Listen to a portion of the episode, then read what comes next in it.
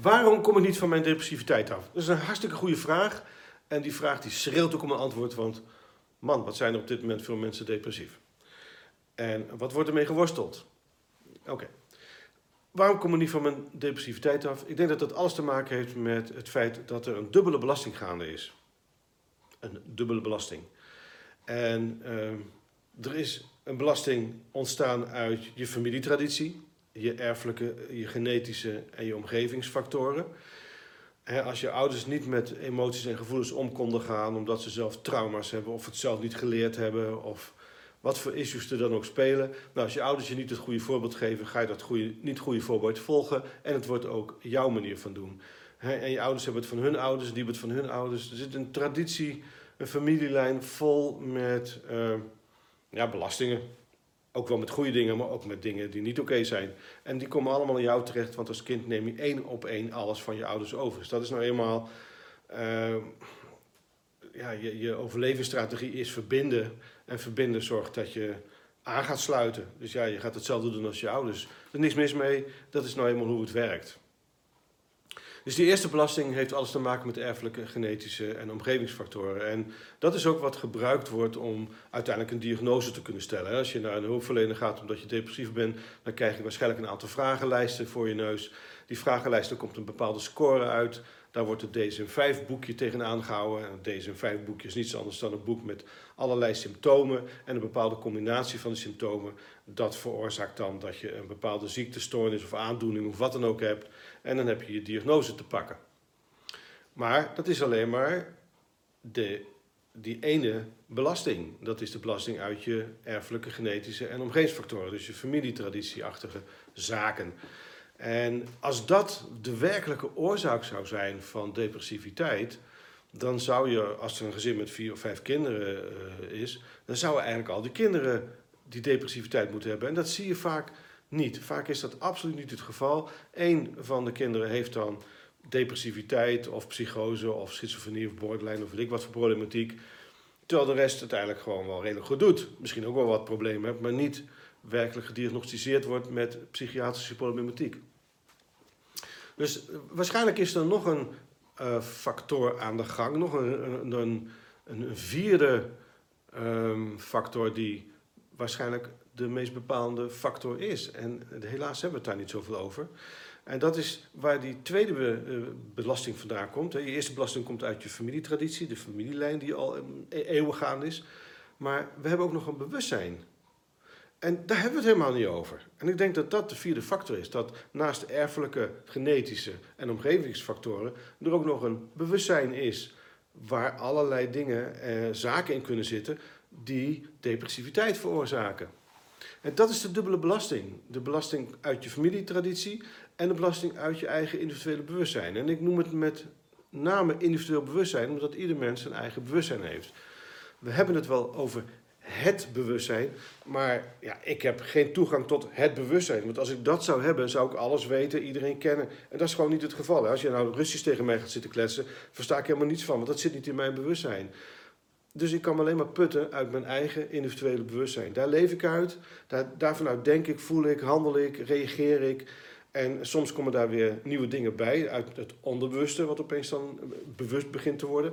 En dan word ik nog meer bewust van dingen. Maar het is allemaal individueel bewustzijn. En toch is er wel zoiets als het bewustzijn. Er is wel een, een bron waar ook mijn bewustzijn mee verbonden is. En die bron die wordt jaarlijks door duizenden mensen waargenomen. En alleen die komen in een bijzondere situatie terecht. Dat zijn mensen met bijna doodervaring. Dus die gaan bijna dood. En die komen in een ziekenhuis terecht door ongeluk of door ziekte. En dan blijkt dat dat brein helemaal niets meer doet. Dus mensen worden dan klinisch doodverklaard, maar leven nog wel, worden ook in leven gehouden. En een deel van die mensen overlijdt uiteraard, maar een klein deel komt weer uit die coma terug en vertelt dan iets over wat ze beleefd hebben. dat is natuurlijk hartstikke bijzonder. En wat, wat daar een overeenkomstige beleving is van al die mensen wereldwijd, als ongeacht religie en ongeacht cultuur, is dat die mensen allemaal iets vertellen over liefde, niet van deze wereld. Licht, zo mooi, zo helder, niet van deze wereld. En dat ze eigenlijk volledig in de, uh, zien, weten hoe dingen in elkaar steken. Wie ze zijn, wat ze zijn, waar ze vandaan komen, waar ze naartoe gaan. Waarom het is zoals het is, gaat zoals het gaat.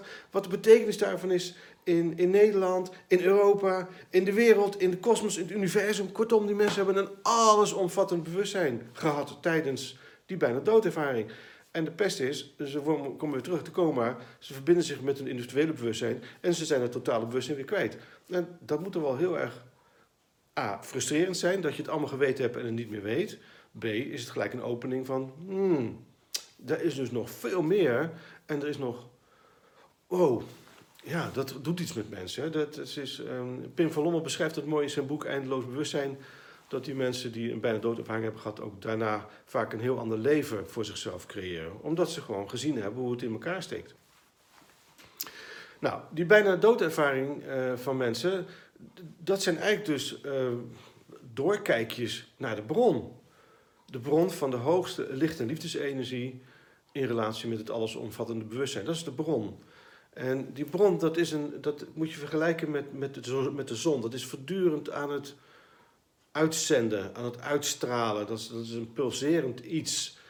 En um, één ding wat daaruit ontstaat is, um, vanuit die allesomvattend bewustzijn ontstaat daar een lijntje. En dat noem ik de individuele bewustzijnslijn. En ik sta momenteel aan het eind van die individuele bewustzijnslijn. Ik ben daar op dit moment de tijdelijke, perfecte manifestatie van. Nou, wat is nou zo'n individuele bewustzijnslijn? Uh, dat ontstaat uit dat hoogste licht en liefdesenergie en de bron. En dat, daar, die, die lijn is eigenlijk ontstaan op het moment dat apen overeind gingen staan, de Homo erectus. En uh, de mens dus ontstond. En op het moment dat die aap rechtop ging staan, begon ook dat brein te groeien. En als het brein groeit, kunnen er meer waarnemingen via dat brein in het bewustzijn opgeslagen worden. Dus op het moment dat Homo erectus ontstond, ontstond ook de individuele bewustzijnslijn. Er werden vanaf dat moment dingen ook opgeslagen in het bewustzijn. En dus dan heb je die bron, dan begint die individuele bewustzijnslijn en we zijn al eeuwen verder en pop, hier sta ik. En ik heb een individueel bewustzijn, maar ik kan niet zomaar in dat allesomvattende bewustzijn terecht. Dat, ik heb daar geen rechtstreekse toegang toe. Want anders zou ik echt alles van iedereen en alles gewoon weten. En dat is gewoon niet het geval. Dus er zit iets tussen in die individuele bewustzijnslijn, waardoor ik geen contact met die hoogste bron kan hebben. Behalve als ik bijna dood ga. Ja, wat probeer ik te voorkomen in mijn leven? Dat ik bijna dood ga. Dus ik kom daar nooit in de buurt. Maar mensen die bijna doodgaan, die komen daar wel in de buurt. Dus die slaan dit stuk wat daartussen zit over of kunnen daar doorheen. En wat zit er nou precies tussen? Daar zitten misschien wel duizenden voorgangers. Dus mensen die ook uit die lijn zijn ontstaan, al hun indrukken en waarnemingen daarin hebben teruggebracht, of die daar hebben achtergelaten en dood zijn gegaan. En dan komt er een nieuwe en die gaat ook weer allerlei dingen doen en die laat ook al zijn indrukken en waarnemingen achter in die lijn. Dat doen wij nu ook. Alles wat ik nu waarneem, wat ik voel, wat ik zie, wat ik ruik, wat ik hoor, wat ik proef, wat ik beleef, alles gaat in dat bewustzijn zitten. En daar kan ik morgen nog gebruik van maken. En dat doe ik niet, maar dat gebeurt gewoon. Dus al die duizenden voorgangers hebben al hun indrukken en waarnemingen achtergelaten in die individuele bewustzijnslijn. En ik ben daar nu het eindresultaat van. En als ik doodga, gaat die lijn door en komt er weer een nieuw eindresultaat. Het zijn allemaal tijdelijke eindresultaatjes die gevormd zijn door die individuele bewustzijnslijn. Nou, stel dat ik in die individuele bewustzijnslijn, in mijn individuele bewustzijnslijn, want iedereen heeft een eigen individuele bewustzijnslijn, stel dat daar 10 of 20 of 30 voorgangers zitten. Ik noem het geen vorige levens, maar voorgangers. Die levens die waren er wel, maar ik was er nog niet. Ja? En ik ben een eenmalige, unieke vertoning. En als ik doodga, dan komt er nooit geen ander meer zoals ik. We zijn allemaal hele unieke, tijdelijke manifestaties van die individuele bewustzijnslijn. En als daar 20, 30 voorgangers in zitten die een heel zwaar leven hebben gehad, onderdrukt zijn geweest, zichzelf compleet hebben verwaarloosd, uh, onwaardig hebben geacht, niet van betekenis, en al die indrukken en waarnemingen van onderdrukking, machteloosheid, niets zijn, niets durven zijn, niets kunnen zijn, dat zit nou ook in mijn bewustzijn. En als dat naar voren wordt geschoven, wow, dan heb ik dus mijn tweede belasting te pakken. En dan kom ik uit die individuele bewustzijnslijn, dat kruist de familielijn en knal, daar heb ik die dubbele belasting te pakken. Uit de familielijn waar die al was en uit mijn bewustzijn. En ik moet wel door zo'n familielijn heen, om wat in dat bewustzijnslijn zit, te gaan, eh, ja, om dat weer in beweging te zetten, om dat weer gekend te krijgen, zodat het zich verder kan ontwikkelen en uiteindelijk opgelost kan worden. En dat is de taak. Waarom heb je depressiviteit? Om het op te lossen. Niet om het weg te duwen, te onderdrukken of ermee in gevecht te gaan, maar om het op te lossen, om het te transformeren. En waar moet je het in transformeren? Nou, als je kijkt naar die bron, die hoogste licht- en liefdesenergie, met het allesomvattende bewustzijn, en dat pulseert. Dus dat pulseert, pulseert ook in die individuele bewustzijnslijn. Dus ook die individuele bewustzijnslijn en alles wat daarin zit, wordt aangeduwd door licht, liefde en bewustzijn. Nou, waar knalt licht, liefde en bewustzijn als eerste tegenaan? Tegen de zwaarte die er nog in zit. En geloof mij, de eerste mensen op aarde hebben het zwaar gehad. Daar is veel angst geweest, onderdrukking. Er is veel geknokt tegen de natuurelementen, tegen, tegen elkaar. Er is heel veel geweld, heel veel angst en onderdrukking geweest. En kijk maar naar de middeleeuwen, de donkere middeleeuwen. Ongelooflijk veel strijd, angst, ziekte, ellende. En dat zit allemaal als waarneming en indrukken in die individuele bewustzijnslijn. En het licht kan daar bijna niet doorheen. Het wordt tegengehouden al die zwaarte. Dus ehm, wat duwt het aan zwaarte? Dus wat krijg, ik, krijg ik als eindproduct van die, die individuele bewustzijnslijn op mijn bord? Ja, die zwaarte, want die moet er eerst uit.